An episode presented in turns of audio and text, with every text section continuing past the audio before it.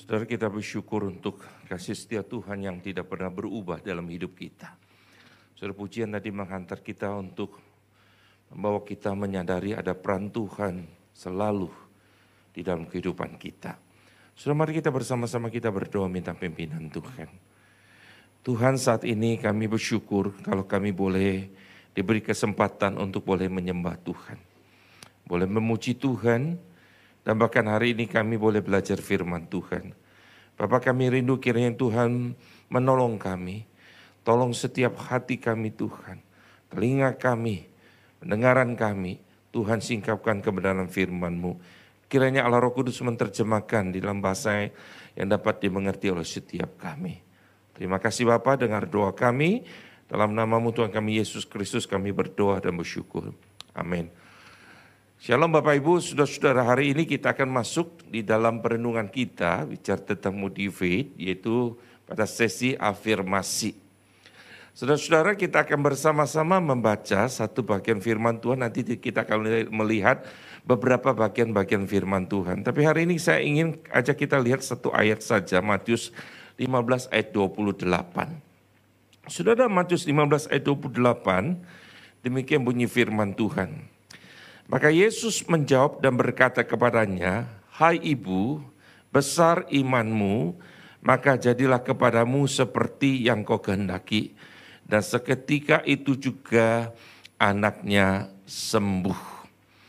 Saudara-saudara yang saya kasihi dalam Tuhan kita Yesus Kristus, ada seorang yang bernama Profesor Masaru Emoto. Saudara namanya kita tahu bahwa dia adalah orang Jepang adalah seorang peneliti dari Hado Institute di Tokyo.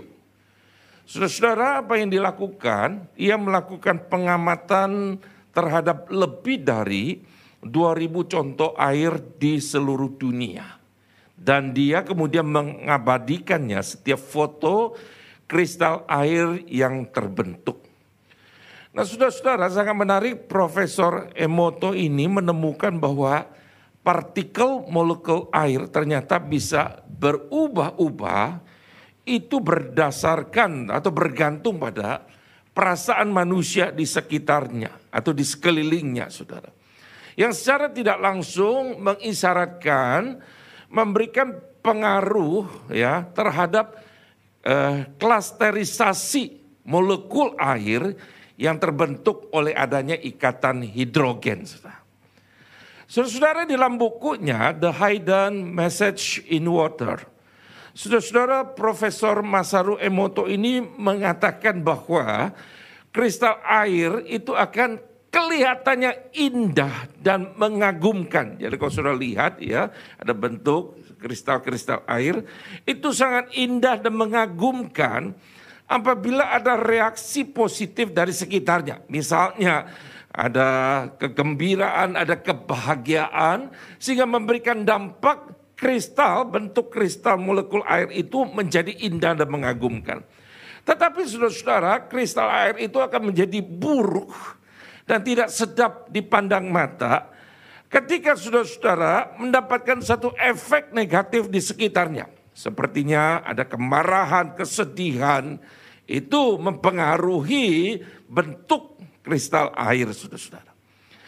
Nah, saudara-saudara, kalau kita melihat ternyata molekul air ini saudara bisa berubah ketika mendapatkan reaksi, saudara, yang ada di sekitarnya.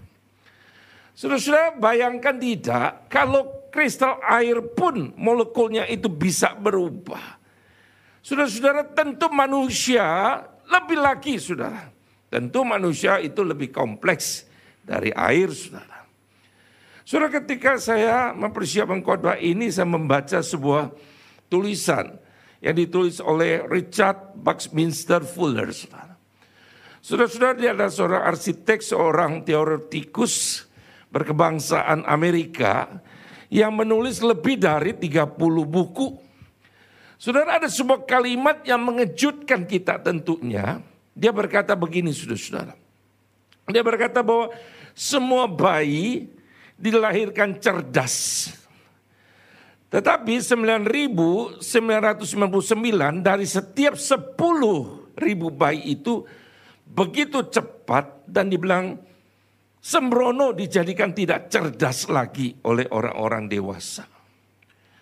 Saudara-saudara, jika memang pernyataan ini benar, maka artinya saudara-saudara ada satu pola asuh yang salah. Atau ada sesuatu yang kita berikan salah sebagai orang-orang yang dilahirkan lebih dulu ke dalam dunia. Khususnya kita sebagai orang tua, saudara. Yang harusnya, saudara-saudara, mereka menjadi baik, tetapi kemudian karena kita lah membuat mereka menjadi kurang baik. Saudara-saudara tentu kita percaya ada faktor Tuhan. Pasti Tuhan yang mempunyai kedaulatan penuh di dalam membentuk hidup kita.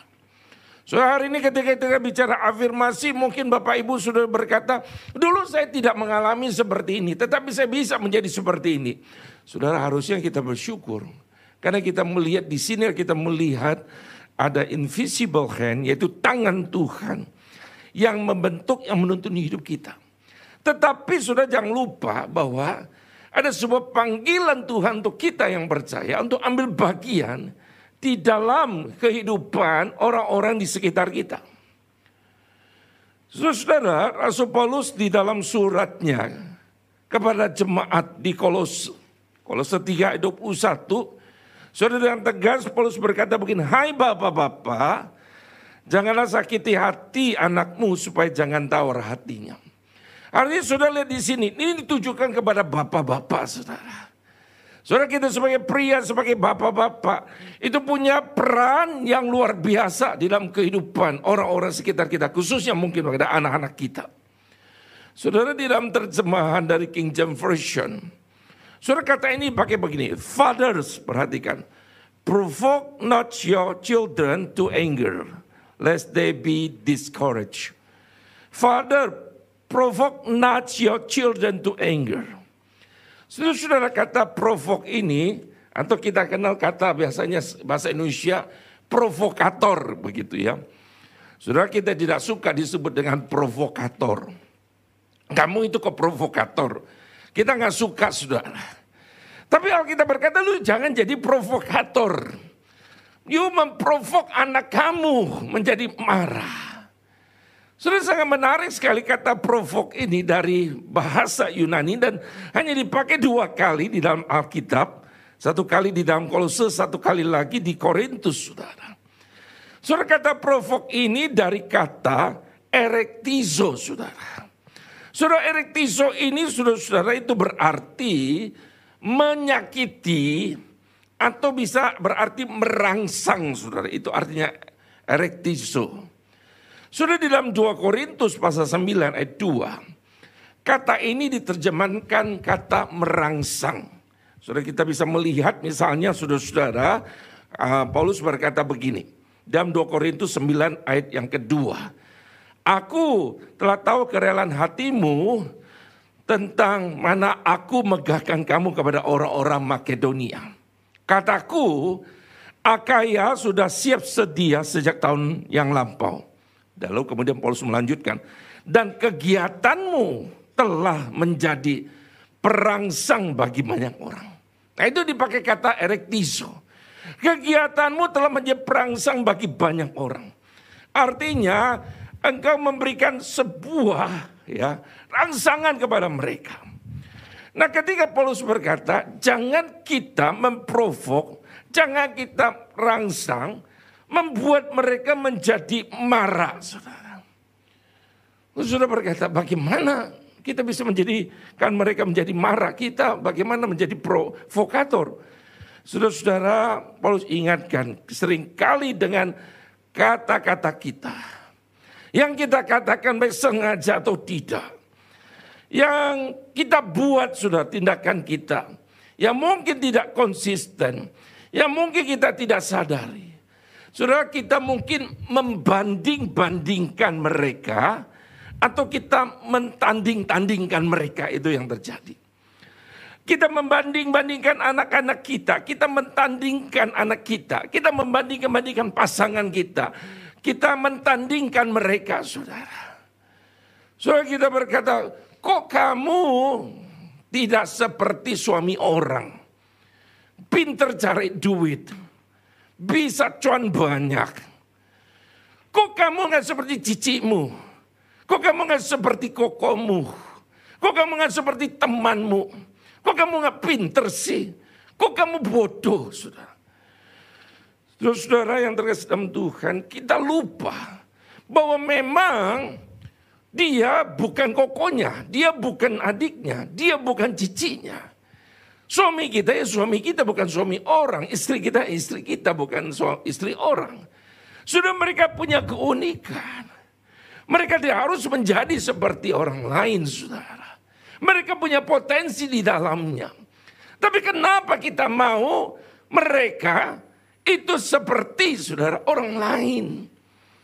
Saudara ketika kita mulai membanding-bandingkan, ketika mulai mentanding-tandingkan mereka saudara. Artinya saudara kita sudah memprovok mereka. Hidup kita tidak konsisten. Saudara-saudara yang saya kasih, mari kita bersama-sama pada hari ini kita evaluasi. Kapan terakhir kita memberikan kata-kata yang memberikan semangat kepada anak-anak kita, kepada pasangan kita, kepada sesama rekan kita, saudara. Saudara, kata afirmasi di dalam Kamus Besar Bahasa Indonesia itu berarti penetapan yang positif atau penegasan atau peneguhan, saudara. Saudara, afirmasi itu bukan mengeluh-elukan, saudara. Bukan. Kalau orang Chinese bilang pai mapi, bukan, saudara. Afirmasi itu bukan love bombing saudara. Artinya anak muda istilah bombing itu memberikan kata-kata buayan saudara. Yang meninabobokan. Yang tidak sebenarnya saudara. Afirmasi adalah menyampaikan sebuah konfirmasi tentang kebenaran. Menyatakan apa yang sebenarnya saudara. Dengan tujuan memberikan pengaruh yang positif sehingga terjadi sebuah perubahan yang positif. Dan membuat orang itu menyadari potensinya, saudara. Saudara, afirmasi membuat orang itu berubah. Semakin serupa dengan Kristus. Saudara-saudara Rasul Paulus mengingatkan jemaat di Efesus. Paulus berkata kalau engkau sudah menjadi ciptaan baru. Menjadi manusia baru. Maka itu harus ditandai dengan perkataanmu yang harus hati-hati. Saudara engkau kalau menjadi ciptaan baru, tapi engkau tidak bisa mengontrol perkataanmu, maka saudara-saudara, engkau harus mempertanyakan kelahiran barumu. Saudara dalam Efesus 4 ayat 29 Rasul Paulus dengan tegas berkata, jangan ada perkataan kotor keluar dari mulutmu tetapi pakailah perkata yang baik untuk membangun di mana perlu supaya mereka yang mendengarnya beroleh kasih karunia. Saudara perhatikan baik. Saudara kalau kita adalah ciptaan baru, saudara. Kita sudah lahir baru. Perkataan kita itu jangan ada perkataan kotor. Tapi perkataan yang baik untuk membangun, saudara. Supaya mereka mendengar beroleh kasih karunia. Sudah saya katakan tadi di awal bahwa hidup kita adalah di dalam tangan Tuhan. Betul kita percaya namanya kedaulatan Tuhan. Tapi ingat bahwa Tuhan juga memberikan kesempatan kepada kita untuk ambil bagian, memberikan pengaruh kepada orang-orang sekitar kita. Saudara. Mengambil bagian dalam hidup mereka supaya mereka juga bisa berubah semakin serupa dengan Kristus. Itu sebabnya maka dikatakan pakailah perkataan yang baik untuk membangun saudara. Supaya mereka mendengar beroleh kasih karunia. Saudara, bukankah kita mesti jujur dalam hidupan kita? Saudara, seberapa banyak kata-kata kita pakai untuk membangun pasangan kita. Untuk membangun anak kita. Untuk membangun rekan-rekan sepelayan kita. Supaya mereka dapat kasih karunia. Atau mungkin sebaliknya saudara-saudara. Bahkan kita pakai kata-kata kita mungkin meruntuhkan. Mereka mendengarnya bukan mendapatkan kasih karunia. Semakin jauh dari kasih karunia. Sudah mau kita mohon pengampunan Tuhan saudara. Mohon belas kasihan Tuhan pada hari ini. Sudah ada beberapa hal yang kita akan renungkan pada pagi ini. Yang pertama, waktu kita memberikan afirmasi, ingat bahwa afirmasi itu membutuhkan hikmat Tuhan. Saudara-saudara, kata-kata afirmasi bukan kata-kata yang keluar asbun. Sudah tahu ya, asal bunyi asbun itu. Lip service. Tuhan Yesus, saudara, tidak sembarangan memberikan kata-kata afirmasi. Tetapi juga tidak pelit memberikan kata-kata afirmasi. Perhatikan. Saudara ketika ia bertemu dengan perempuan kanaan teks yang kita baca tadi. Saudara, ini adalah perempuan yang bukan masuk dalam golongan umat Tuhan. Bagi bangsa Israel, mereka bukan pilihan Tuhan. Tapi kemudian iman wanita ini luar biasa. Dalam teks kita baca tadi, kita menemukan, lalu Tuhan Yesus ketika melihat iman wanita ini, sebenarnya Tuhan Yesus bisa berkata, udah sembuh anakmu. Karena lihat imannya, nggak usah kemudian Tuhan ngomong, saudara. Itu saja cukup. Tapi saudara pribadi Tuhan. Pribadi yang membangun sudah. Yang berkata-kata mendatangkan kasih karunia. Maka Tuhan Yesus berkata kepada wanita ini. Dia berkata, Hai ibu, besar imanmu. Maka jadilah kepadamu seperti yang kau kehendaki. Dia berkata, hai ibu besar imanmu saudara. Apakah saudara-saudara kesembuhan itu berdasarkan iman saudara? dari orang itu. Tentu dari kedaulatan Tuhan. Tentu iman itu adalah pemberian bukan dari Allah. Tapi sekali lagi Allah menghargai saudara usaha dari wanita ini. Sehingga dia berkata, hai ibu besar imanmu saudara. Dia melihat akan usaha yang dihargai saudara oleh Tuhan. Saudara-saudara ketika Tuhan Yesus bertemu dengan wanita Samaria. Dia juga memberikan afirmasi. Pada waktu dia berkata panggilan suamimu. Dia jujur berkata aku tidak punya suami. Sudah-sudah dalam Yohanes 4:18 Tuhan Yesus berkata, tepat katamu. Dalam hal ini engkau berkata benar. Tepat katamu dalam hal ini engkau berkata benar. Ini wanita Samaria. Yang jelas orang Samaria bukan orang Yahudi. Wanita ini tidak benar. Tapi Yesus memberikan afirmasi ketika wanita ini mengatakan kebenaran. Saudara-saudara yang saya kasihi, ada dua ekstrim sering muncul dalam hidup ini. Ekstrim yang satu adalah latah, memberikan afirmasi. Tidak mengatakan kebenaran. Ya, asbun saja. Akan tidak terjadi perubahan, saudara. Kalau tidak ada kebenaran. Karena kalau tidak ada kebenaran pasti tidak terjadi perubahan. Tapi ekstrim yang kedua adalah tidak ada afirmasi. Tapi sudah hari ini semua katakan faktanya. Manusia itu membutuhkan afirmasi dari sesama. Dan Tuhan juga memakai orang-orang di sekitar kita untuk meneguhkan kehendaknya atas hidup kita. Saudara-saudara Tuhan pakai orang-orang di sekitar kita untuk meneguhkan kehendak Tuhan untuk memberikan afirmasi kepada kita. Itu sebabnya kalau kita sadar bahwa Tuhan juga melibatkan kita untuk ambil bagian di dalam perjalanan rohani kehidupan orang itu semakin serupa dengan Tuhan, maka afirmasi ada sesuatu yang penting dan serius. Itu sebabnya saudara, kita itu tidak boleh sembarangan menyampaikan afirmasi, tetapi harus dengan apa? Hikmat Tuhan. Saudara-saudara, Amsal 25 ayat 11 berkata begini. Perkataan yang diucapkan tepat pada waktunya adalah seperti buah apel emas di pinggan perak, saudara. Saudara Amsal ini mengajarkan kita bukan saja memperkatakan kebenaran, saudara. Tetapi juga timing pada saat diucapkan. Saya perhatikan, dua unsur ini penting sekali. Perkataan itu harus perkataan kebenaran. Tetapi juga timingnya harus pas ketika diucapkan. Jadi kalau kedua unsur ini saudara dipadukan. Disajikan bersama-sama. Maka itu akan menjadi sebuah hidangan yang istimewa. Amsa menggambarkan ibarat apel emas di pinggang perak saudara. Yang biasanya orang sajikan kepada raja, saudara. Pakai pinggan perak, emas, apa, apel emas, saudara. Itu menjadi sebuah suguhan kehormatan dan kemuliaan, saudara. Saudara-saudara yang saya kasihi, barangkali sudah bisa melihat gambar ini saya tampilkan. Seperti semua orang mungkin pasti tahu siapa orang ini. Dia adalah Albert Einstein, saudara.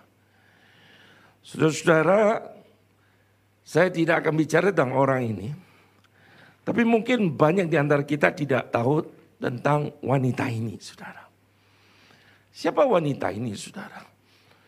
Wanita ini saudara bernama Pauline Koch saudara. Saudara Pauline Koch ini saudara adalah ibu dari Albert Einstein. Saudara tahukah kisah hidup Albert Einstein? Saudara Albert Einstein terlahir menjadi anak yang sulit untuk bicara. Sampai empat tahun dia masih sulit bicara saudara. Saudara kalau anak yang baru lahir, saudara lihat dia nangis, lalu kemudian umur satu tahun dia cuma bilang, ah, ah, ah. Kita bilang, oh nggak apa-apa, lucu. Tapi kalau udah tiga tahun, empat tahun bisa cuma, ah, ah, ah, ah. Saudara kita sudah mulai empot-empotan. Jadi kungkung popo apalagi saudara. Selalu bicara sama nanya, bawa dong ke dokter kenapa? Cuma ah, ah, ah, ah ngomongnya. Untung ngomongnya cuma ah, ah, ah. Kalau ngomong ih, ih, ih, kita takut lagi saudara. Bingung saudara, ini anak kenapa? Empat tahun cumanya bisa seperti itu. Saudara bayangkan Albert Einstein empat tahun itu bisa bicara saudara. Terlambat. Bahkan saudara-saudara waktu sekolah dia nomor satu dari belakang. Urutan paling belakang, saudara tahu kisahnya. Artinya itu apa? Saudara dia sulit sekali ikuti pelajaran di sekolah. Bahkan sudah diikutin hanya sebatas mencoba menghafal saudara. Maka gurunya berkata ini orang bodoh banget. IQ-nya jongkok katanya. Walaupun sebenarnya waktu itu 160. Dianggap jongkok IQ-nya dan dia sering dibully. Tahukah saudara, si Einstein itu paling menderita hidupnya kalau dia harus ke sekolah. Dia merasa di situ dia dia bully. Dia merasa dia bodoh sekali. Tapi saudara-saudara ibunya, Pauline itu. Saudara-saudara saya percaya dengan hikmat Tuhan. Selalu memberikan semangat. Memberikan afirmasi positif. Ibunya selalu berkata, nak kamu memiliki sesuatu yang hebat dalam dirimu yang tidak dimiliki oleh orang lain. Kamu akan menjadi orang hebat. Sudah itu yang selalu dikatakan. Nah kamu akan menjadi orang hebat. Ada sesuatu yang hebat dalam dirimu yang nggak dimiliki oleh orang lain. Itu diperkatakan saudara. Saudara Albert Einstein menjadi orang hebat dalam hidupnya karena ada seorang ibu Memberikan dorongan semangat, kata-kata positif yang membangun. Sudah hari ini mulailah kita berhenti. Ketika kita marah-marah dan bahkan kemudian sudah maafkan. Kita kemudian melabel anak kita. Kamu itu bodoh. Memang kamu udah mau jadi apa? Ujian seperti ini tidak bisa. Udah nanti kamu jadi kuli saja. Saudara saya tahu dalam masa-masa pandemik banyak sekali khususnya ibu-ibu itu stres dan cerita. Ajarin anaknya belajar. Dan lalu dia berkata, benar. Kata teman-teman saya, benar memang anak saya bodoh. Saudara-saudara yang terkasih dalam Tuhan. Saya yakin Tuhan mengasihi anakmu. Tuhan punya rencana indah terhadap anakmu. Kenapa engkau bisa melihat dari perspektif Tuhan? Tuhan mengasihi pasanganmu. Pasanganmu punya kelebihan daripada orang lain. Kenapa engkau tidak bisa melihat juga bahwa dia adalah satu bagian yang penting dalam kerajaan Allah yang sangat dibutuhkan. Seperti dirinya sendiri. Dia tidak harus menjadi saudara satu piece bagian seperti sebuah parcel. Yang kemudian saudara berkata harus yang bentuk begini. Saudara, Allah menentukannya bagian seperti ini. Dan di tempatnya, saudara. Dan itu butuh untuk melihat sebuah picture tentang Allah, saudara. Saudara, kenapa kita nggak bisa melihat seperti ini? Kita mohon belas kasihan Tuhan, saudara. Yang kedua, waktu bicara afirmasi. So, afirmasi itu harus dari hati, saudara. Pastor Peter Tanci berkata begini, sebagai orang tua, kita harus mengembangkan mata seorang detektif untuk mengafirmasi anak-anak kita. Saudara, apa maksudnya memiliki mata detektif? So artinya kita harus melihat setiap anak-anak kita. Kalau kita punya dua anak, kita punya tiga anak, kita punya empat anak. Masing-masing mereka berbeda. Saudara kita minta imat Tuhan, kita minta dari hati kita untuk sungguh-sungguh komitmen saudara mengasihi mereka, saudara. Mengenal mereka, bergumul bersama dengan mereka. Kita tahu karakter mereka. Saudara-saudara kita ingin berusaha mencari sifat-sifat karakter mereka. Yang bisa kita afirmasi, yang bisa kita tekankan saudara. Saudara ini tidak mungkin terjadi kalau tanpa hati. Kita kalau tidak mendengarkan, hidup bergaul bersama dengan mereka punya hati untuk mereka, kita tidak akan tahu kelebihan-kelebihan mereka. Sudah Tuhan Yesus hidup bersama dengan murid-muridnya. Yang memberikan waktu dengan mereka. Yang mendengarkan pergumulan mereka. Yang melihat kekuatan dan kelebihan dari murid-muridnya. Ketika Petrus mengungkapkan pengakuan yang benar tentang siapa Yesus. Tuhan Yesus memberikan afirmasi positif kepadanya. Tapi Tuhan Yesus juga menegurnya ketika dia melakukan kesalahan. Sudah perhatikan, afirmasi tidak meniadakan kesalahan. Sudah-sudah afirmasi juga mengoreksi. Tapi dengan cara yang tepat, saudara. Tuhan Yesus tidak mengajarkan kepada kita untuk tidak menegur kesalahan. Tidak mengoreksi. Tapi Tuhan mengatakan engkau jangan jadi hakim yang menghakimi. Jangan menghakimi karena penghakiman itu adalah haknya Tuhan. Saudara-saudara artinya bagaimana kita juga membantu dia untuk memperbaiki. Bagaimana kita juga rela bersama-sama dengan dia menempuh sebuah proses yang harus dia jalani yang tidak mudah. Tapi kita juga menolong dia, memberikan support kepada dia. Memberikan kata-kata yang membangkitkan semangat kepada dia saudara kepada anak-anak kita, kepada rekan-rekan kita, mungkin juga kepada menantumu. Engkau jangan cuma komplain, menantu gua ngapa bisa masak. Tapi apakah kita juga membantu dia untuk kemudian mengajarin dia untuk memasak. Apakah juga kita menghargai usahanya? Kau tadi masaknya kurang enak, sekarang udah lumayan. Apakah kita juga bersyukur dan menghargai dia? Dan kita juga memberikan kata-kata positif dorongan kepada dia. Saudara-saudara yang saya kasihi, ketika Rasul Paulus menulis surat kepada jemaat, baik di Efesus, Kolose, Korintus, dan sebagainya. Kita melihat Paulus memberikan pujian. Pujian yang tulus dari hatinya, saudara. Tapi Paulus juga memberikan masukan, ajaran kepada mereka. Saudara sekali lagi Paulus memberikan afirmasi tujuannya bukan untuk dirinya. Tapi untuk kebaikan mereka. Paulus melakukan itu dari hatinya yang mencintai Tuhan dan mencintai umatnya. Paulus melakukan itu bukan tujuan untuk dapatkan kredit untuk dirinya. Tidak saudara. Seperhatikan. Ketika seorang menjelek-jelekan orang lain, dia ingin dapat kredit untuk dirinya. Supaya orang lain lihat, wah saya lebih baik. Itu adalah biasa dilakukan oleh manusia di dalam dunia ini. Tapi ketika kita bisa menghargai, memberikan afirmasi sudah. Sekali lagi sudah sudah kita bisa melihat kelebihan pada orang ini sudah. Kita bisa mengakui dan kita ingin memberikan dorong semangat supaya dia akan menjadi lebih baik lagi. Saudara-saudara, Paulus melakukan semuanya ini bukan untuk dirinya sendiri. Sudah ada orang berkata begini, aku udah bilang, kamu begini-gini, saya ngomong nih banyak yang positif tentang pasangan saya. Tapi aku tanya, kok kamu gak ngomong sih tentang aku? Kok aku nggak dipuji juga? Saudara-saudara artinya waktu saya berikan pujian, aku ingin kamu juga puji aku dong, puji aku dong, puji aku dong. Sudah bukan itu sebenarnya saudara. Afirmasi diberikan itu tanpa syarat. Afirmasi itu disampaikan, diberikan bukan kepada orang yang sudah sempurna. Perhatikan. Tunggu dong kamu sudah sempurna dulu, baru Saudara-saudara, tidak ada orang sudah sempurna. Afirmasi ada sebuah dorongan supaya orang itu bisa terus berjuang dalam hidupnya semakin serupa dengan Tuhan.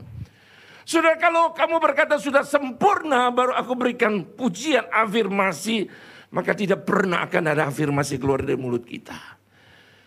Kenapa saudara-saudara? Karena afirmasi diberikan bukan supaya kamu sudah sebenarnya sudah sempurna, tapi afirmasi diberikan supaya kamu belajar untuk menjadi lebih baik. Saudara-saudara, oleh karena itu kita perlu apa? Kita perlu memberikan afirmasi untuk apa? Usaha mereka. Kita perlu beri afirmasi untuk sikap mereka, karakter mereka. So artinya begini, mereka memang belum mencapai yang kita lihat. Tapi mereka tidak dari titik nol lagi bukan? Mereka sudah berjuang. Mereka sudah berusaha. Kenapa kita tidak pernah menghargai usahanya? Kenapa kita selalu berkata, kamu mau seperti begini? Kenapa kita tidak lihat usaha yang sudah dilakukan? Kenapa kita selalu dari titik nol, saudara? Allah nggak pernah seperti begitu loh, saudara. Allah selalu melihat dalam prosesnya, usahanya, saudara. Dan Allah menghargai setiap usaha kita. Sudah hari ini berhentilah kita mengkritik. Berhentilah kita kemudian menghakimi. Mari kita bersama-sama mulai melihat pasangan kita, anak-anak kita, rekan-rekan pelayan kita untuk usaha yang sudah dilakukannya. Kita bersyukur untuk apa yang sudah dikerjakannya. Sudah mengapa saya katakan bahwa afirmasi harus dari hati? Karena dari hatilah kita bisa tahu diri kita sebenarnya. So, pernahkah kita merasa sulit untuk memberikan afirmasi kepada pasangan kita, anak-anak kita, mungkin itu anggota keluarga kita, bahkan rekan pelayanan kita. Karena mungkin ada ganjalan dalam hati kita yang belum kita bereskan. So mari kita secara jujur introspeksi di hadapan Tuhan. Melihat hati kita. Apakah kita juga sungguh-sungguh bersyukur untuk apa yang Tuhan berikan kepada kita? Termasuk apa itu? Pasangan kita yang tidak sempurna. Anak-anak kita yang tidak sempurna. Orang tua kita tidak sempurna. Menantu kita yang tidak sempurna, saudara. Bahkan rekan-rekan pelayanan kita yang tidak sempurna. Tapi kita bersyukur untuk mereka yang Tuhan berikan kepada kita. Tadi pujian kita sudah nyanyikan. Ku mau selalu bersyukur, selalu bersyukur. Saudara, apakah ada hati kita yang terus bersyukur meskipun saudara kita tahu memang semua kita belum sempurna. Tapi bukankah ada hal yang positif di dalam hidup mereka yang kita perlu syukuri? Bukankah kita melihat ada potensi-potensi yang luar biasa dalam diri mereka? Saudara-saudara, mari kita bersama-sama. Itu tidak mungkin terjadi afirmasi kalau hati kita belum kita bereskan di hadapan Tuhan. Saudara-saudara, coba saudara lihat. Kalau orang-orang yang hatinya terluka, sudah maka sulit sekali dia melihat hal-hal yang positif pada orang lain. Kalau hatinya tidak dipenuhi dengan ucapan syukur, masa dipenuhi dengan kelukaan. Pasti kritikan-kritikan yang muncul, saudara. Membanding-bandingkan, mentanding-tandingkan, saudara. Saudara kita bersama-sama mari. Kita melihat hal yang positif. Saudara berkata rumput tetangga lebih hijau. Ini artinya kita coba lihat. Mentanding-tandingkan, membanding-bandingkan.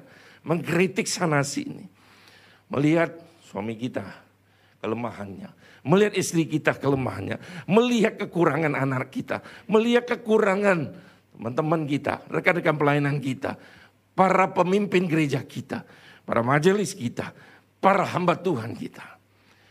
Tapi adakah kemudian saudara-saudara, kita juga bersyukur dan kita bisa mengafirmasi untuk hal-hal positif yang mereka miliki, saudara.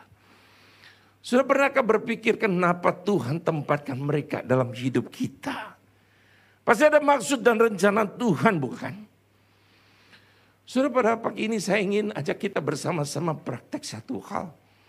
Kau hari ini engkau sedang ibadah bersama dengan pasanganmu Kau bersama dengan anakmu. Kau bersama dengan mertuamu. Engkau bersama dengan mungkin menantumu. Sudah. Mari saudara-saudara ini engkau dekatin dia sekarang juga. Engkau katakan hal yang positif. I love you whatever you are. Aku mengasihi kamu apa pun kondisinya. Aku tahu ada sesuatu blessing Tuhan melalui kamu dalam kehidupanku dan melalui aku dalam hidupmu. Saudara, mari kita bersama-sama. Kita mohon kemurahan Tuhan. Kita tahu mereka tidak sempurna. Tapi afirmasi itu penting bagi mereka untuk belajar proses. Untuk seperti dengan Kristus. Hargailah saudara-saudara apa yang mereka sudah lakukan. Bersyukurlah untuk itu saudara. Maka saya yakin engkau akan melihat hidup mereka dan melihat keluargamu, melihat gerejamu, melihat bangsamu dari perspektif yang lain. Saya berdoa hari ini. Tuhan memberkatimu, Tuhan memberikan kekuatan kepadamu, hidupmu akan tidak sama lagi. Tuhan Yesus memberkati. Mari kita berdoa.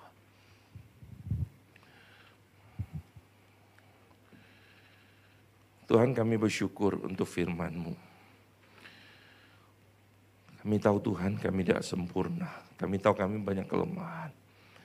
Tapi anugerah Tuhan tidak pernah berhenti. Terus Tuhan kau menuntun hidup kami. Tuhan kami tahu Tuhan tempatkan ada orang-orang sekitar kami.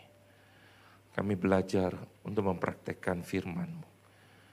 Memperkatakan perkataan-perkataan kebenaranmu dalam timing yang tepat. Memberikan dorongan semangat sehingga mereka semakin serupa dengan Kristus. Kami belajar menghargai setiap usaha mereka. Tuhan tolong sekali lagi. Kami bersyukur dengar doa kami. Dalam nama Tuhan Yesus kami berdoa. Amin.